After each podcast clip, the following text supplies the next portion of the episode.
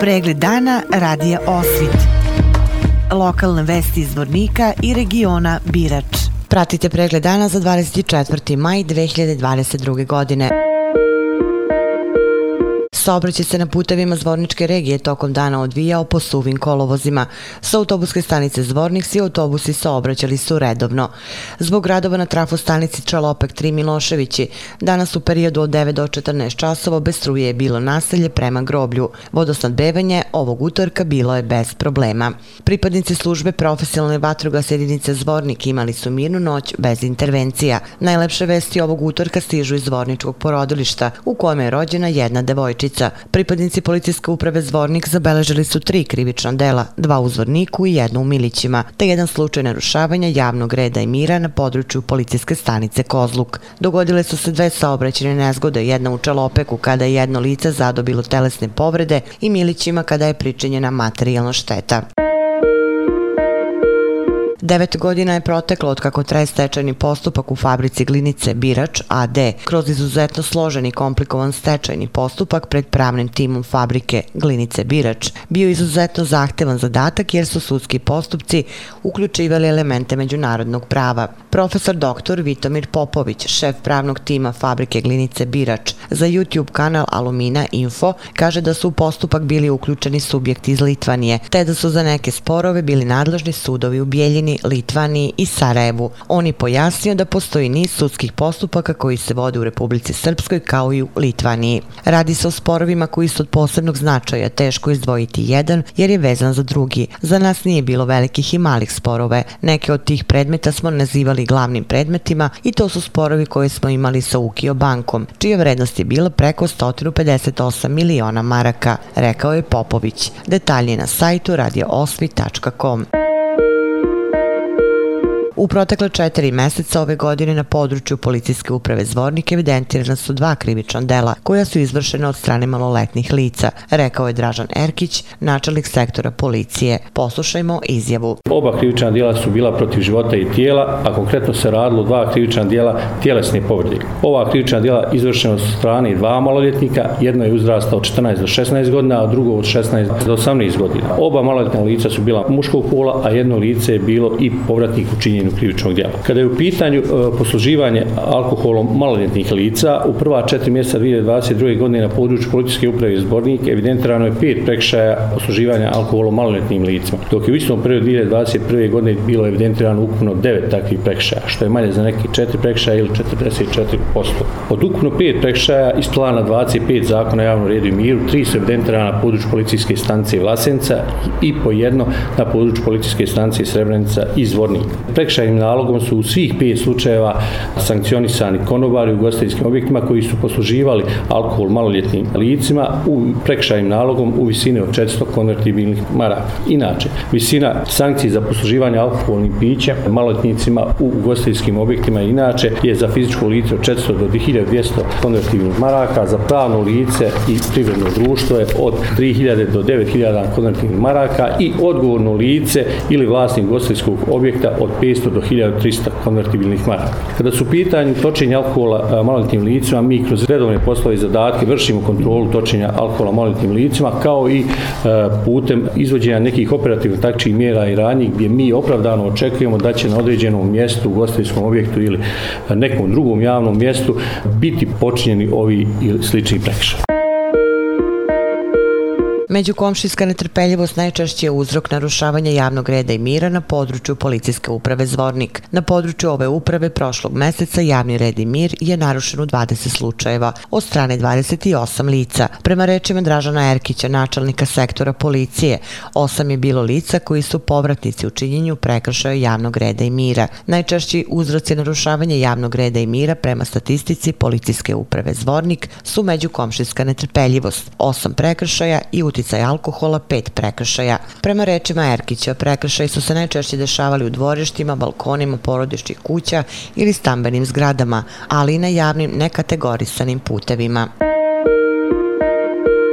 U Zvorniku je proteklog vikenda održan međunarodni judo turnir Trofej Zvornika, na kome je učestvovalo oko 800 učesnika iz zemlje i inostranstva. Kako je protekao turnir i koja istaknuta sportska imena su bili gosti turnira, čućete od Ognjena Pavlovića, predsjednika judo kluba Sokolovi. Subota Zvornika održan Trofej Zvornika, a u organizaciji judo kluba Sokolovi. Ovaj turnir je okupio preko 800 učesnika, 75 klubova iz 10 zemalja, iz eh, Crne Gore i Srbije, Bosne i Hercegovine, Makedonije, Grčke, Hrvatske, Austrije, Albanije, Bugarske i Rumunije. Što je posebno istakli se da su dani prije i dan poslije na smještaju u Zuniku bilo je 300 ljudi, da vrijeme turnira nije bilo nijednog uh, e, problema, organizacija je pohvaljena od strane svi, svi su ugošćeni i dočekani u zvorniku, isto tako ispraćeni. I možemo reći da je trofej zvornika uspeo i da je od strane svih pohvaljen sa jako dobrom ocenom. To bi također dodao jeste da na samom turniru smo okupili, samim tim pokazali svoju težinu i u judo sportu i sportu uopšte u Bosni i Hercegovini i Republike Srpskoj koliko smo cijenjeni od strane sportista, sportskih radnika, ljudi koji oponašaju funkcije u, u našoj zemlji. Prilikom otvaranja turnira na turniru bio a, predsjednik Olimpijskog komiteta e, i predsjednik e,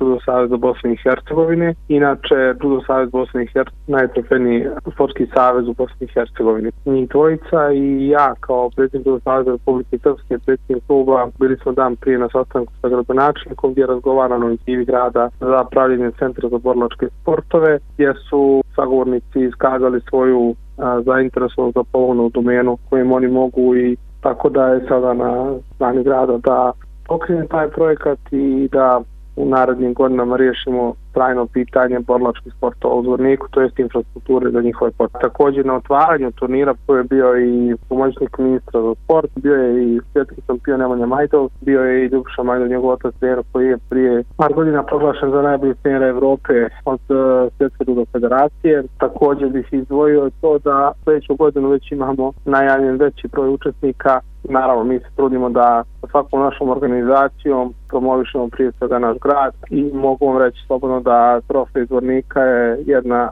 manifestacija koja će zasigurno u budućnosti biti dobar promo lider Zvornika i naše okoline. Također bih izdvojio i rezultate fanova našeg kluba. A, mi nismo a, kao domaćini, to nam je neka praksa da to nije turnir koji ima rezultatski značaj. Mislim da je kvalifikacioni za neko veće takmičenje. Mi nismo ulazili u sveokupni plasman, ali s obzirom da smo imali 75 takmičara koji smo izveli svog kluba, znači od, od poletaraca do kadeta, znači imamo preko 100 aktivnih članova. Mi smo bili zasigurno najbolji klub što se tiče rezultata u plasmanu. Mi smo, kao što već rekao, ulazili u generalni plasman zbog gostiju i zbog jel, njihove pomoći u njihovim sredinama. Također bih htio da pohvalim sve svoje kolege, saradnike, prije svega trenere kao i uh, trenere i članove upravnog odbora i sve ljude koji su nam pomogli na bilo koji način, znači naše, naše stare, stare bivše članove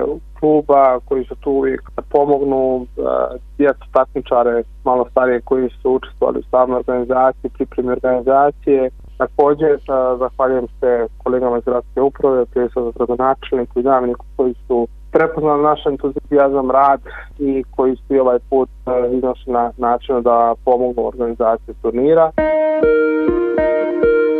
U Srebrenici je održana četvrta smotra srpskog folklora pod nazivom Drino Vodo, Žubora Titvoga, čiji je domaćin bilo Srpsko kulturno-umetničko društvo Sveti despot Stefan Lazarević iz Srebrenice.